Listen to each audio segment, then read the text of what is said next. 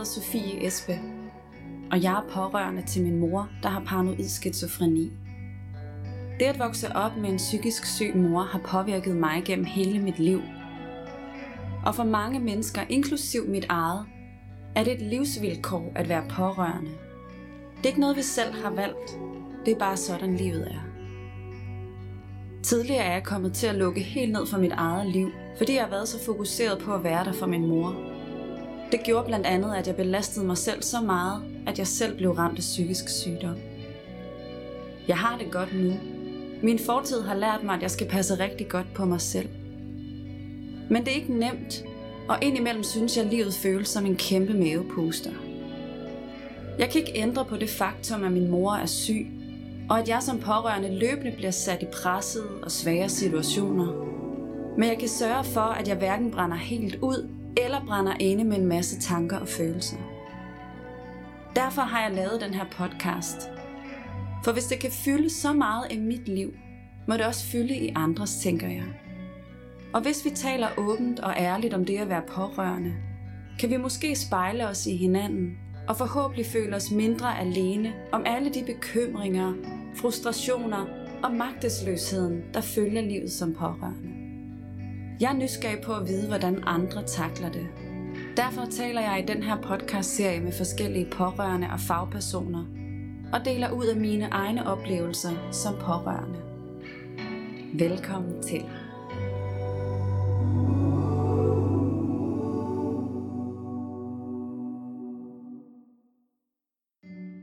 Du lytter til femte episode af podcasten Jeg er også pårørende. Og ligesom i forrige episode kommer den her også til at bestå af to dele, hvor første del er den, du skal til at høre nu. I denne her episode taler jeg med et helt specielt vennepar. Mille og Anna Kim blev nemlig venner for snart et års tid siden af en helt særlig anledning, fordi de fandt ud af, at de deler samme livsvilkår. Nemlig det at være i et parforhold, hvor den ene part oplever psykisk sygdom. Og det, der er unikt for deres relation, er, at de har hver deres perspektiv eller står på hver deres banehalvdel. For Mille har nemlig selv oplevet psykisk sygdom. Mere specifikt har hun generaliseret angst og har haft depressioner hele sit voksenliv frem og tilbage.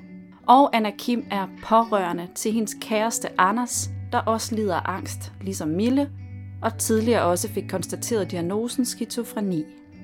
Udover at Mille og Anders deler samme diagnose, deler de også det faktum, at de faktisk har det rigtig godt i forhold til tidligere. Jeg hedder Mille, og jeg er 29 år gammel, og jeg bor her i den her lejlighed, hvor vi sidder nu på Nørrebro. Her bor jeg sammen med Christian, som er min kæreste, som jeg har kendt i mange år, men været kæreste med i to år. Jeg hedder Anna Kim, og jeg er 26 år gammel. Jeg bor på Frederiksberg sammen med min kæreste Anders, som jeg har kendt i sådan 3,5 år.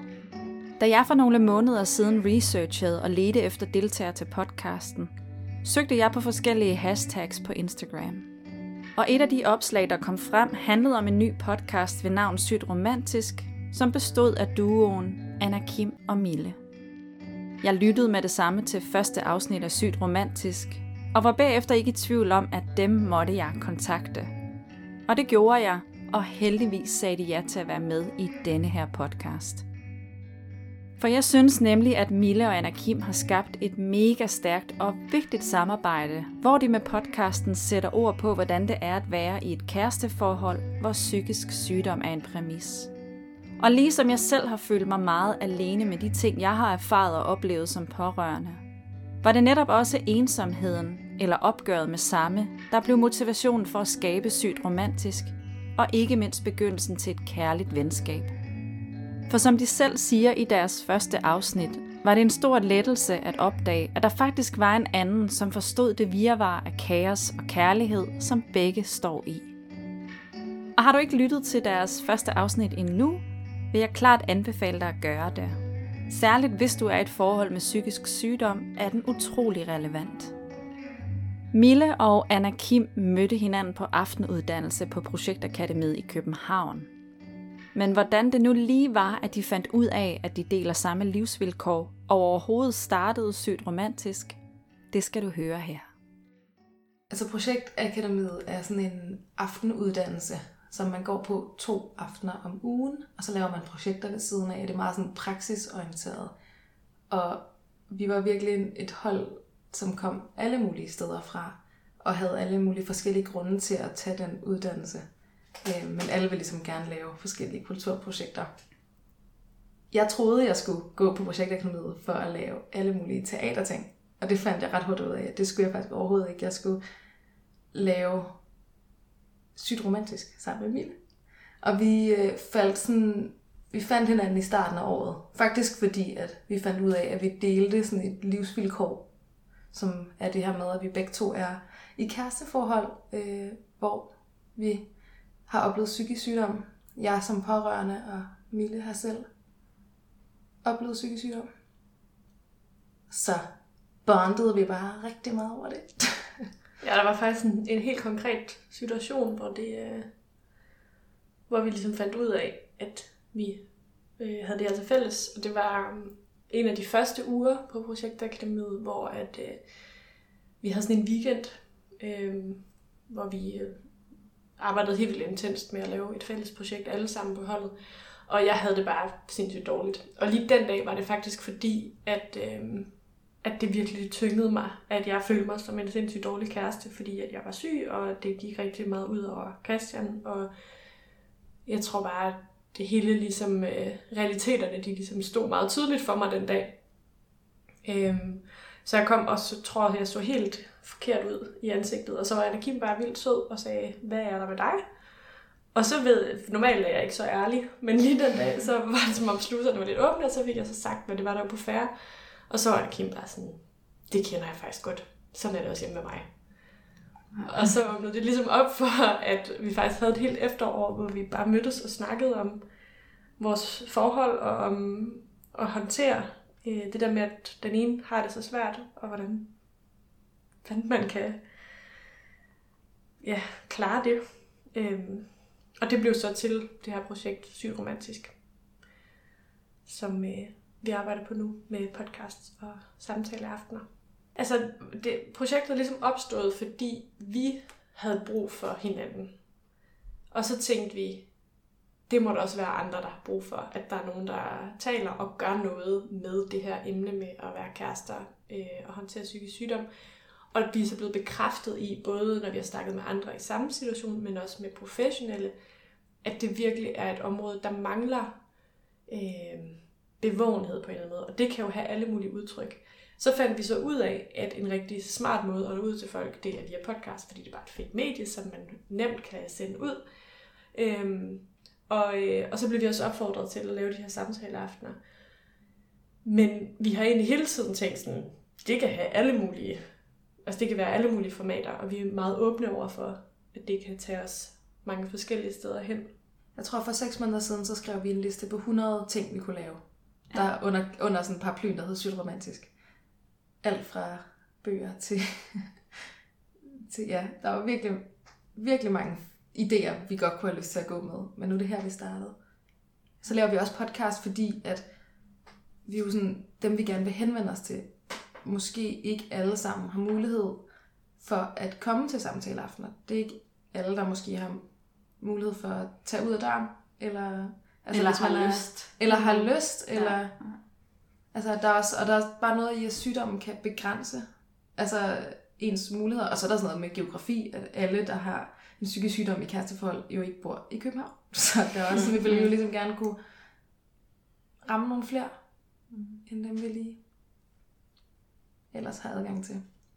Det er helt klart også derfor, jeg har valgt en podcastformatet. Mm. Det er genialt til sådan at at nå en stor målgruppe. Ja. Som alle laver podcast lige nu, ikke? Jo. Så skyder podcast. Det er jo fordi, det er så genialt. Det er så ja. fedt. Ja. Men der er ikke særlig mange podcasts om psykisk sygdom og pårørende til psykisk Nej. syge, så, øh, eller om det at være et kæresteforhold, hvor at psykisk sygdom er en præmis, så det er jo, det er fandme fedt, at vi gør det. Ja. Og det er fedt, I gør det. ja, podcast er virkelig et genialt medie. Og derfor er det også så fedt, at der kommer flere og flere til, som behandler de her tabuiserede emner, som psykisk sygdom for eksempel er, For der er så meget brug for, at vi taler om det og taler med hinanden om det. I den her første del af episode 5 taler jeg med Anna Kim og Mille om, hvordan det så er at være i et parforhold, hvor den ene part oplever psykisk sygdom. Og mere specifikt spørger jeg dem, hvordan det så er i deres forhold. Mille og Kim bliver hurtigt enige om, at det kræver stor kærlighed at være i sådan et forhold, hvor kaoset, det utilregnelige og de voldsomme følelser i små og større perioder er hverdagskost. Måske kærligheden ikke nødvendigvis er større end i andre forhold, men den mærkes i hvert fald meget tydeligt, når man måske oftere end andre går igennem svære ting sammen med sin partner. Vi taler også om at lægge strategier sammen i forholdet, for at imødegå angsten og katastrofetankerne mest hensigtsmæssigt for alle parter, og om vigtigheden i at være bevidst om, hvordan man kommunikerer med hinanden i forholdet. Nu skal du høre, hvad Anna Kim og Mille fortalte mig. Hvordan er det at være i et forhold med psykisk sygdom? Ja. Altså sådan, jeg har aldrig prøvet andet. Anders er min første kæreste.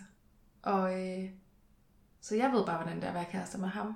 Øhm, og kan jo godt se og høre og forstå, at vi har nogle udfordringer, som alle andre kærestepar ikke har. Altså der er noget med øh, en uforudsigelighed i sygdommen, der bare øh, skiller sig markant ud fra, fra andre menneskers normale forhold.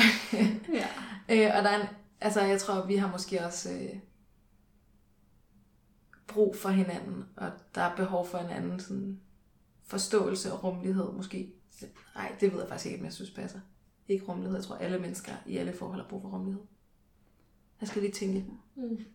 Jeg tror i hvert fald, at der måske er en anden øh, voldsomhed, og det ved jeg ikke, om du kan genkende, Anna Kim, men øh, vi har bare stået i nogle situationer, som var meget, meget dramatiske. Ja. Øhm, på en måde, som jeg forestiller mig er anderledes, end hvis man har et normalt forhold. Og det kan både være Øh, altså hvis jeg skal nævne nogle konkrete eksempler, så har det både været sådan noget med, at jeg i affekt for eksempel er stukket af fra Christian. At jeg har været så meget ude af min egen, altså sådan ude af virkeligheden, at, at, øh, at jeg måske ikke kan komme til, til at komme i kontakt med, eller og han har måttet ringe til psykiatrisk skadestue, han har måttet ringe til mine forældre, selvom jeg har modsat mig det. Øhm, jeg tænker også sådan noget med at måtte høre sin kæreste sige, jeg har faktisk ikke lyst til at leve, eller jeg kan ikke se mig selv i den her verden.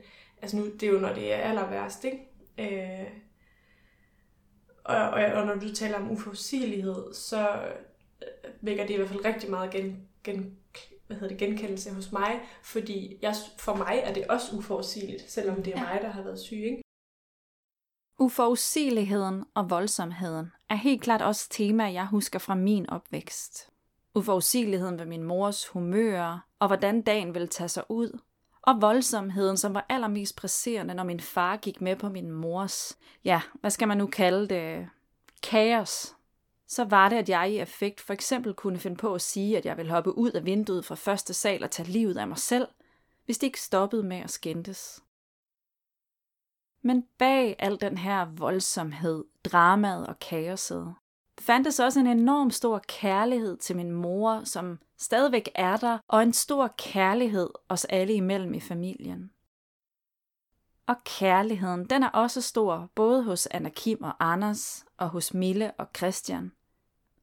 Og så er den frem for alt rigtig vigtig at i tale sætte, hvis du spørger kvinderne bag sygt romantisk. Altså, Anna Kim og jeg har talt om det her, inden du kom med, hvad, skal, hvad, er, det, der, hvad er det for en hverdag? Hvad er det, mm. hvad, hvad er det, hvordan er det at leve i et parforhold med psykisk sygdom? Og der snakker vi bare om, at det der med at få sagt, at det kræver stor kærlighed, at det faktisk er, væk, er væsentligt, fordi det er også noget, man tit glemmer at snakke om, når man taler om, hvor, det, hvor svært det hele er. Altså, at der er bare også utrolig meget kærlighed. Øh, og det er ligesom det er jo også det, der er hele udgangspunktet for sygt romantisk. Jeg tror altså, selvom at sygdommen er uforudsigelig, og det kan være hårdt ikke at vide, hvad den næste dag nu bringer, så synes jeg ikke, Anders er det. Eller sådan, han er enorm, som, altså som menneske er han så stabil, og jeg ved, han er der, og der er ikke noget menneske, jeg sådan stoler mere på, vil gå igennem alt, eller sådan for mig. Og så er der dage, hvor han ikke kan, og det er ikke hans skyld, men det er faktisk, altså, det er overhovedet ikke uforudsigeligt. Det er mega forudsigeligt og dejligt og trygt for mig. Øh, men så gør sygdommen bare nogle gange, at, at alt er lidt sværere som kærester. Og der kan altså jeg kan også genkende følelsen af magtesløshed. Sofie, som du fortæller om i forhold til din mor, at som pårørende at se den, man elsker, have det rigtig dårligt, og ikke kunne gøre noget for at hjælpe. Det synes jeg, altså det gør jo helt ondt. Fordi man bare ved lige meget, hvad jeg stiller op lige nu, så kan jeg bare ikke bære den smerte, du føler. Og det er hårdt. Og det har også været hårdt at sådan skulle se på ham gå igennem øh, systemer, som for eksempel sådan både psykiatrien og også hele øh, sådan noget kontanthjælpssystemet, og sådan bare set ham være i en position, han ikke kan gøre for at være i, og bare sådan for sindssygt tof det er. Og at han også har været meget udtalt om, at hvis ikke han havde stærke pårørende i den periode, hvor han blev ramt af psykisk sygdom, så ved han ikke, hvor han var. Altså så Anders, har, selv når han havde rigtig skidt, været meget sådan udtalt omkring, hvor heldig han har været, at han så har haft et godt netværk, god sådan familie, og at han også fandt mig, der ligesom var der. Øh, og det synes jeg også, altså der, der kan jeg blive helt trist over dem, der så ikke har pårørende til at, at være der.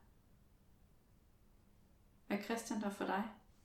Mm. Ja, han er øh, nok også det mest stabile menneske, jeg har mødt. Altså ikke på den måde, at han ikke har følelsesudsving, men på den måde, at, at jeg er simpelthen aldrig i tvivl om, at han er der. Og at... Øh... Og det skal også nuanceres, fordi det betyder ikke, at der er nogle gange, hvor han må trække at der ikke er nogle gange, hvor han må trække sig, eller skal noget andet, eller er i udlandet, eller et eller andet. Men jeg ved, at han er min kæreste, og at vi er i det samme. Går du, Mille, med frygten for, at han, at han forlader dig på grund af det, der nu er? Ja. Og på grund af den forudsigelighed, som du nogle gange, som der er i, i forholdet? Ja. Øh, det har fyldt nærmest alt for mig, faktisk. Lige nu fylder det nærmest ikke. Okay. Og det har krævet... Altså det er først og fremmest, fordi jeg har det meget, meget bedre. Øhm, og fordi at jeg har lært, at han bliver.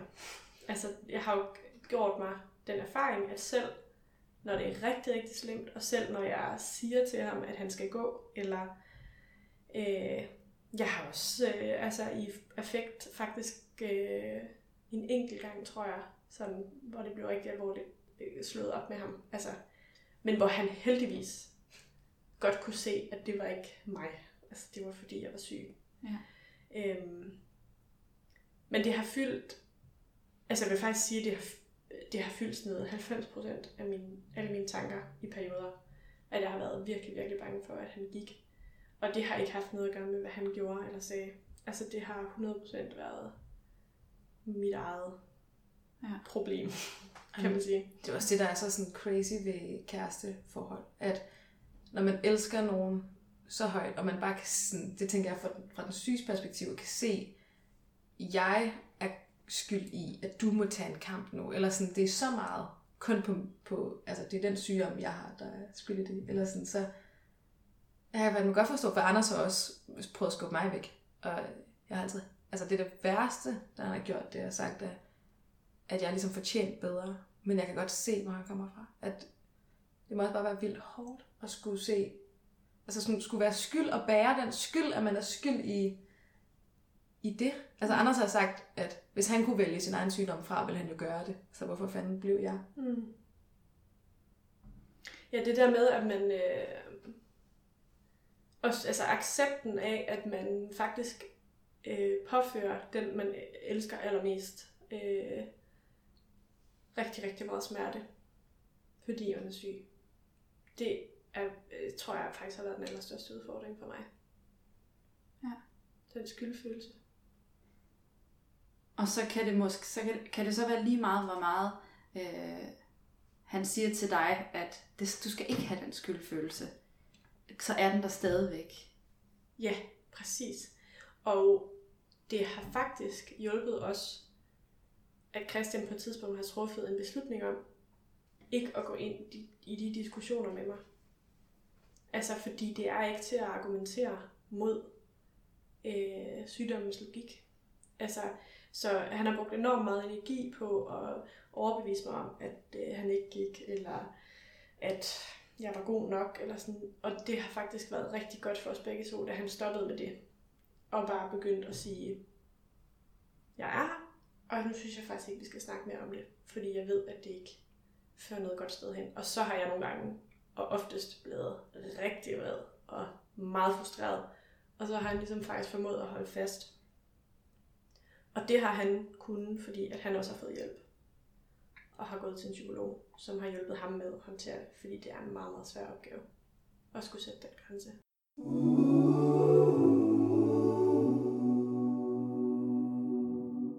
En af de følelser, som øh, også fylder meget, for mig i hvert fald, det er altså også skyldfølelse. Fordi jeg vil bare altid ønske, når det, altså, at jeg kunne gøre mere, tror jeg, for Anders. Ja, at... Øh, På hvilke måder vil du ønske, du kunne gøre mere? at jeg... Altså, jeg, tror, det jeg elsker, når du fortæller om, hvor sej Christian har været, men tit så tænker jeg også sådan, åh, jeg, jeg er bare nogle gange overhovedet ikke så sej til at være pårørende, eller sådan, til at kunne sætte grænser. Jeg ved også godt, at Christian har øvet sig. Eller sådan, det er jo ikke sket over natten, men, men skyldfølelse over ikke at være hurtigere til at gennemskue angsten, fordi jeg tænker, det er jo ikke mig, der har den. Jeg skal ud fra at kunne identificere den hurtigere, men Anders øh, er, har også været igennem en kanon stor bedring de sidste mange år, og lever nu et godsøjne normalt liv med arbejde hver dag, og går ikke i behandling, og øh, er ude af de systemer, vi snakkede om. Så jeg glemmer nogle gange, at han har en sygdom, som, øh, altså sådan, den optræder jo heller ikke særlig meget lige nu, men, men den kan bare komme bag på mig. Og når den kommer bag på mig, og det ender med, at jeg sådan ikke når at se, gud, det er angsten, det er ikke Anders, så er det, vi kommer til at for eksempel skændes, og så får jeg mega skyldfølelse bagefter, for jeg tænker sådan, det var en angsttanke, der udløste det her skænderi. Og det ville jeg ønske, jeg havde været hurtigere til at se og lukke ned for, ligesom du fortalte, at sådan, Christian kunne nogle gange bare sige sådan, det der, det går jeg ikke ind i. Nu skal Ja. vi stoppe med at snakke. Ja. Altså sådan, arbejder også bare med, øh, sådan ud fra sådan en, jeg tilgiver mig selv, fordi, og det er ikke fordi, jeg går og føler skyldfølelse hele tiden, for jeg ved også godt, at vi gør det så godt, vi overhovedet kan, og der er enormt stor kærlighed, og det skal nok gå, og jeg kommer til at, altså sådan, jeg gør det så godt, jeg kan, og det er okay. Og Anders bebrejder mig aldrig, for han er jo også sådan, det er jo også, det er jo hans angst, der udløser det, men samtidig vil jeg altid bare gerne kunne, kunne se det, og agere anderledes, tror jeg. Jeg tror, at det, du taler om der, er et andet virkelig vigtigt aspekt, øh, når man er kærester i sådan en situation. Og det er øh, accepten af det uperfekte. Og at man, sådan er det jo i, i alles liv, at man skal acceptere, at man er uperfekt.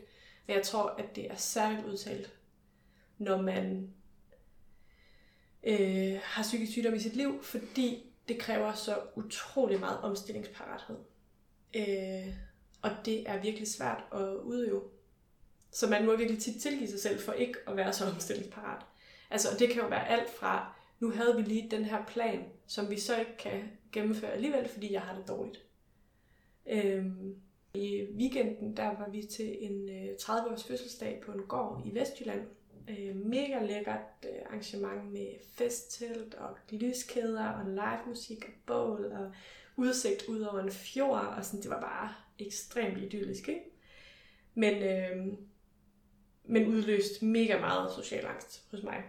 Øh, og, øh, og selvom det egentlig var gået rigtig godt i løbet af dagen, så øh, klokken 8 om aftenen eller sådan noget, så brændte jeg fuldstændig sammen og må bare ligge mig ind i teltet og hulke og havde det virkelig, virkelig dårligt.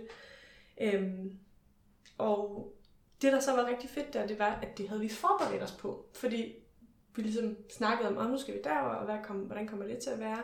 Og vi ved bare begge to, at det er sådan en situation, som oftest er rigtig svært for mig.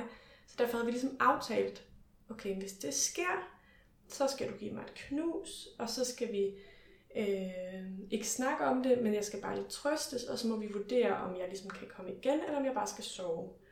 Og så var vi i stand til det, og så kunne jeg faktisk godt komme lidt igen og være med en times tid mere. Og sådan noget. Det med at komme angsten i forkøbet og forberede sig på de voldsomme følelser, det er noget begge par har øvet sig på og i visse situationer har lagt særlige strategier for og aftaler om. Og som du også skal høre Mille fortælle om lige om lidt, handler det i bund og grund for hende og Christian om at være bevidste om, hvordan de kommunikerer, når hun har det dårligt. Men først skal du høre Anna Kim fortælle om et særligt ritual, hende og Anders har, når de skal ud på længere ture, som involverer snackgulerødder og saftevand. Vi har sådan nogle øh, ritualer for, når vi skal noget, som vi begge to ved trigger Anders' angst. Når vi skal ud af døren, for eksempel. En gang var det bare ud af døren, til lige meget hvad. Nu er det blevet sådan meget nemt at komme ud af døren, men hvis vi skal på længere ture, så er det svært for ham. Specielt med S-tog. Det, sådan S-tog, offentlig transport generelt, og rigtig meget fly, altså sådan jo længere jo er. Det trigger bare noget i ham og hans angst. Så der har vi sådan nogle, altså jeg ved, at jeg skal give ham plads og ro, og jeg ved, at jeg skal sådan repetere for ham, når vi sådan går rundt og pakker ting sammen. Det skal nok gå, bare roligt, det skal nok gå. Og nogle gange kommer der også hen til mig og siger sådan, nu skal du fortælle mig, at det nok skal gå. Så siger jeg, det skal nok gå. Så siger han, tak, fedt. Og så gør vi hver vores ting igen. Så sådan, så har vi nogle sådan ret faste måder at sådan være omkring hinanden på. Og vi har, øhm, altså så ved jeg også bare, at at jeg skal skære hans øh, gulerødder, snackgulerødder, han kan have med i tasken, og jeg ved altid, at de har købt en saftvand med, fordi så er det nice. Og sådan underlige, underlige små ting, som man, som jeg bare ved virker på, at øh, hvis angsten kommer, så kan jeg være sådan bare rolig. Vi har styr på det. Vi er forberedt. Alt er godt. Der er snackgulerødder. Der er snackgulerødder, og der er... Ja. Øhm. Og så... Øh, så tænker jeg på, om der er andre eksempler.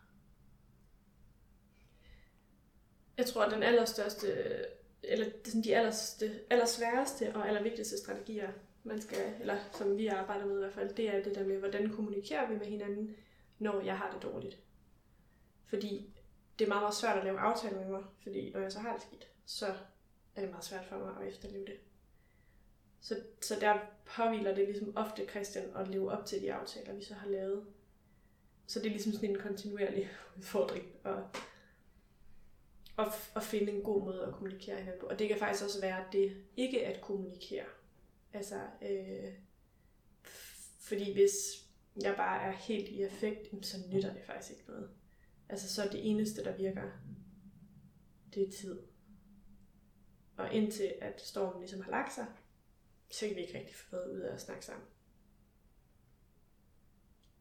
Og det at lære det, at lade være med at snakke, det er virkelig svært. Mm. Også fordi man er så, det ved jeg ikke, øh, om I kan genkende, men man er så øh, trænet i, eller har sådan en, en stærk overbevisning om, at når man er i et forhold med hinanden, så skal man virkelig sådan kunne snakke ting ud. Og det med at snakke om, hvordan jeg har det, er ikke altid øh, for os det bedste, fordi det bliver meget tit en repetition, eller øh, en dyrkning af katastrofetanker. Øh, så det er faktisk tit bedre for os at fokusere på nogle ting, vi skal sammen, eller på, nu skal vi bare lige ligge her og slappe af, øh, frem for at gå ind i, hvad er det, jeg føler lige nu. Jeg kan godt genkende noget af det, fordi nogle gange så skal der bare lukkes ned. Specielt hvis det sådan er hardcore katastrofetanker. Men andre gange synes jeg faktisk, at det hjælper for os øh, at i tale sætte det hele. For jeg tror, at der går Anders nogle gange og skjuler nogle tanker, og han har faktisk ikke lyst til at bebyrde mig med det, og han har ikke lyst til at indrømme med sig selv, hvor nederen han egentlig går og har det. Øhm, og der hjælper det rigtig meget, hvis jeg åbner op og siger, okay, fortæl mig alt det, du er bange for. Fordi så lister han de første 20 ting, der kan gå galt op, og så sådan, han er sådan, okay, sådan tager en dyb vejrtrækning, altså nu kan jeg ligesom lægge det frem og tak. Og så kan vi være stille bagefter, og så kan vi ligesom bare lade det lidt der. Øh, og bare ikke sige så meget mere. Og så er han sådan, okay, nu kan jeg lige finde tilbage. Jeg synes, det er sådan lidt en blanding. Ja. Men du oplever ikke det samme som, øh, som det, du, Anna Kim, fortæller om Anders? Altså at, at liste det op og fortælle det til Christian, det, det, det, det gør ikke noget Nej, men godt. det er også fordi, at den øh, terapi, som jeg lige nu arbejder med, handler mere om ikke at give bekymringerne plads. Og simpelthen lade dem være, uden at gå ind i dem. Ja. Så det at sige det højt, ville være Giv dem plads. Give dem plads. Og så oplever jeg faktisk også, at, øhm, at det ikke altid er nødvendigt for mig at sige det højt, og det tror, sådan forestiller jeg mig også, det er med dig, Annika, fordi du er så utrolig empatisk. Men Christian kan meget tit, før mig selv, før, eller før jeg kan, øh, så kan han se, at jeg har det skidt, øh, eller mærke, at jeg er anspændt, og at der så er et eller andet på vej til at bygge op. Så det er meget sjældent, at jeg bliver nødt til at sige, uh, nu har jeg det dårligt, fordi jeg kan faktisk altså, Mærke det, se mærke det. det. Ja. Ja. ja. Så i den sags tjeneste behøver jeg, altså hvis, han sådan, hvis det er for at orientere ham om det, behøver jeg ligesom ikke gå ind i det. Og så tror jeg bare mig og Anders, i forhold til det der med at liste op, at vi bare har, faktisk har forskellige approach til det. Øhm, Det synes jeg er en vildt vigtig pointe, at Mm. selvom Milla og Anders deler et diagnose, så har de det helt forskelligt. mm. Og de har det helt forskelligt øh, i forhold til, hvad der hjælper, også i sådan kæresterelationer. Og det var det fedeste sådan, at møde Mille og, og begynde at, at snakke med dig om angst. Og jeg forstod Anders på en helt ny måde, på baggrund af, hvad du sagde. Og samtidig var det også fedt at møde de steder, hvor vi var sådan, det kender vi overhovedet ikke. Eller der er vi helt forskellige. Selvom Anna Kim og Mille ikke deler samme forudsætning for at være i deres kæresteforhold, er der, som du kan høre dem fortælle her, alligevel mange tanker og følelser, som går igen og som de deler. Men der er også ting, der er meget forskellige. Og det er, som Anna Kim siger, en rigtig vigtig pointe at få med. Nemlig, at det kan være meget forskelligt, hvordan det føles og hvad der hjælper i et kæresteforhold, hvor den ene part oplever psykisk sygdom. Jeg talte også med Mille og Anna Kim om det her med at have muligheden for at vælge hinanden fra i et kæresteforhold. Jeg synes nemlig på en eller anden måde, at der er en større, eller i hvert fald en anden forpligtelse, når man er pårørende til en i sin egen familie, end hvad der gør sig gældende i et kæresteforhold, hvor psykisk sygdom eksisterer. For jeg kan ikke og vil heller ikke vælge min mor fra. Og desuden vil hun altid være min mor, uanset hvor hårdt og svært det er at være hendes pårørende. Men i et kæresteforhold kan den ene vælge den anden fra at gå sin vej og potentielt finde sig en ny kæreste. Jeg ved godt, at mit syn på det her helt klart er meget farvet af min fortid. For jeg har selv oplevet, hvordan psykisk sygdom kan ødelægge et forhold. Min far forlod nemlig min mor, fordi han ikke kunne holde til det og ikke havde lyst til at være i det længere. Vigtigt er selvfølgelig også at sige her, at mine forældre var gift og havde kendt hinanden længe, inden min mor blev syg, og at hun var meget mere syg og invalideret af hendes sygdom, da min far valgte at skille sig fra hende, end hvad der overhovedet er tilfældet for Mille og Anders. Men apropos det her med at have en mening eller have fordomme om kæresteforhold, hvor psykisk sygdom er en præmis, er noget, som Anna Kim synes har været rigtig svært at skulle opleve og håndtere for omverdenen. Men inden du skal høre hende fortælle mere om det, siger Mille her først noget om, hvor rart det har været at opleve, at Christian har valgt hende til, og godt ved, hvad han har signet op til. Det synes jeg også bare er et, faktisk en virkelig, virkelig vigtig pointe, øh, som har hjulpet mig rigtig meget, når Christian har sagt det, nemlig det der med, jeg ved altså godt, hvad det er, jeg har signet op til. Øh, det kommer ikke bag på mig, at du ligger her i det her telt og græder. øh, det er ikke noget, der ødelægger min fest, eller min dag, eller mit liv. Det er noget, jeg godt ved. Og det betyder bare rigtig meget at få den der øh, forståelse for, at man måske ikke smadrer den andens liv fuldstændig, fordi han ligesom selv har sagt ja til det. Og det er jo også det, der er særligt ved at være kærester, at man vil lave hinanden til, altså, og man kan faktisk også godt vælge hinanden fra. Man kan godt gå. Og øh, det er der måske også nogle gange nogen omkring os, der tænker, hvorfor fanden går han ikke? Eller hvorfor går du ikke, Anna Kim? Eller, øh, for den mulighed er der jo. Måske på en anden måde, end hvis man er mor til en, der er syg, eller datter, eller fætter. Eller... Ja.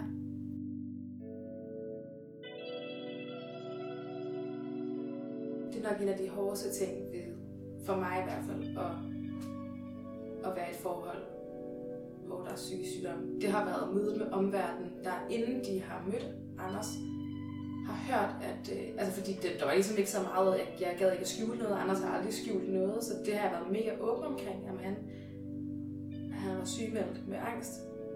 Det har været for frygteligt at møde folk, der i det de hørte en diagnose, gik ud fra, at vores forhold så var øh, mig, der gav enormt meget, og ham, der ligesom slugte den energi, der var. Fordi det har bare aldrig været øh, tilfældet. Selv da han havde det aller værst, og ikke kunne gå ud af sin lejlighed, så fik jeg sindssygt meget fra ham. Han fik en enorm, altså sådan, jeg havde den mest empatiske kæreste, en stor forståelse, og bare sådan, så er han bare mega griner, når vi har det fucking sjovt sammen, og han er vildt dygtig og engageret, og kan så mange nice ting. Så jeg tror, at folk, der møder, der har mødt mig med det, har gjort det for så i omsorg for mig, og været sådan, åh, passer, altså, øj, hvad skal du nu gå igennem, og vil det ikke være nemmere, hvis du havde en, en helt normal kæreste, eller hvad ved jeg. Men hvor jeg var sådan, virkelig også har været ked af det over, at, at de ligesom har hørt diagnosen, og så er de bare lukket af, i stedet for at spørge sådan, hvad, hvorfor er I egentlig blevet forelsket, eller Mm. hvad er det, der binder jer sammen? For der, jeg ville ikke være sammen med Anders, hvis Anders var angst. Altså, men det er han jo ikke. Altså, han har angst, og han har en... Nogle gange føler sygdom meget, nogle gange føler den nærmest ingenting. Og han er vildt klog. Også fordi han har været igennem de ting, han har været igennem. Ja.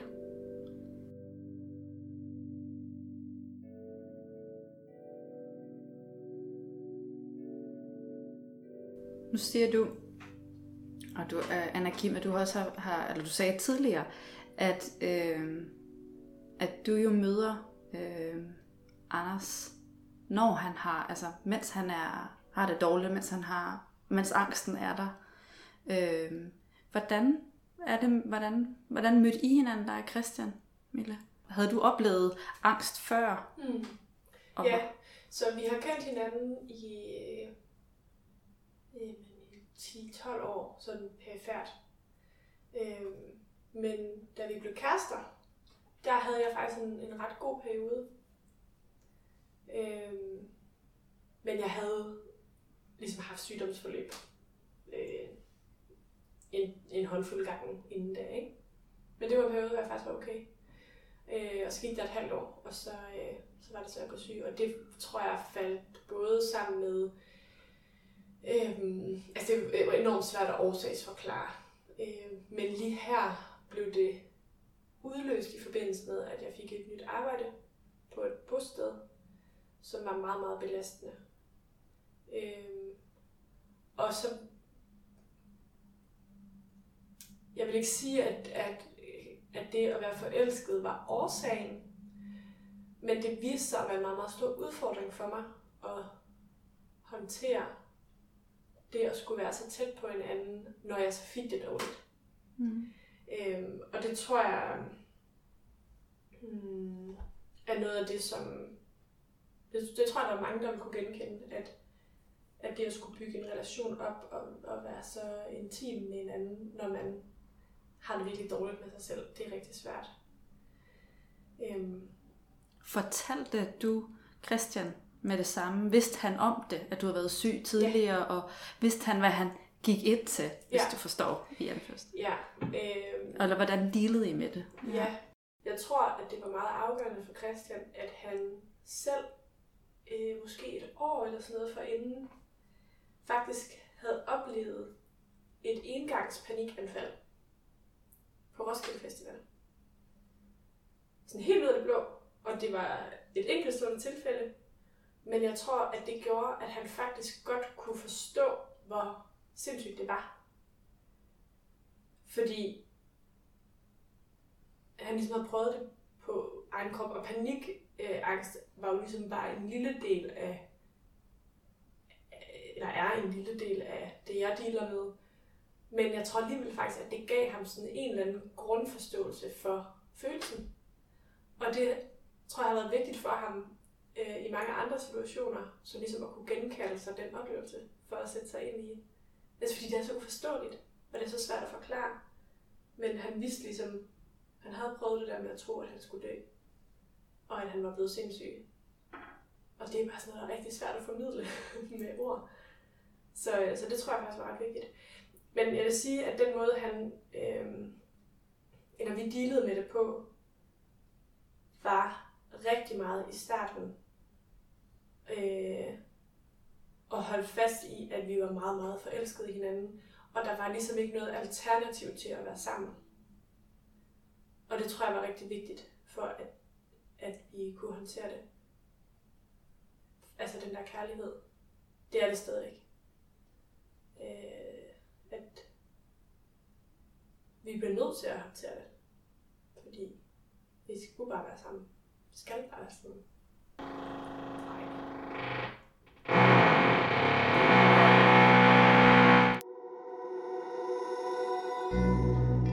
Ja, så blev vi simpelthen afbrudt i vores samtale af underboen, der skulle skrue et tv fast til væggen. Men det er også helt okay, for jeg fortsætter med at tale med kvinderne bag podcasten Sygt Romantisk i næste del. Der spørger jeg Mille og Anna Kim om, hvilke råd de vil give videre til andre kærester, som står i tilsvarende situation som dem selv. Vi taler også om, hvordan man er en god pårørende til sin kæreste, og om, hvordan man passer på sig selv. Og så kommer vi igen tilbage til at snakke om kærligheden, og om at måtte række ud over egen formåen, når det hele har været helt håbløst. Altså, der er også nogle gange,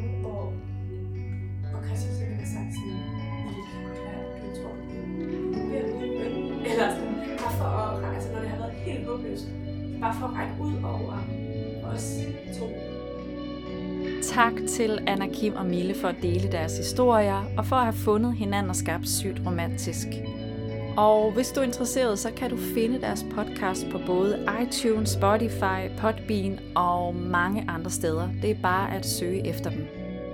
Jeg håber rigtig meget, at du vil lytte med i anden del, hvor de som fortalt giver deres bedste råd til andre kærestepar, som deler samme livsvilkår som dem selv.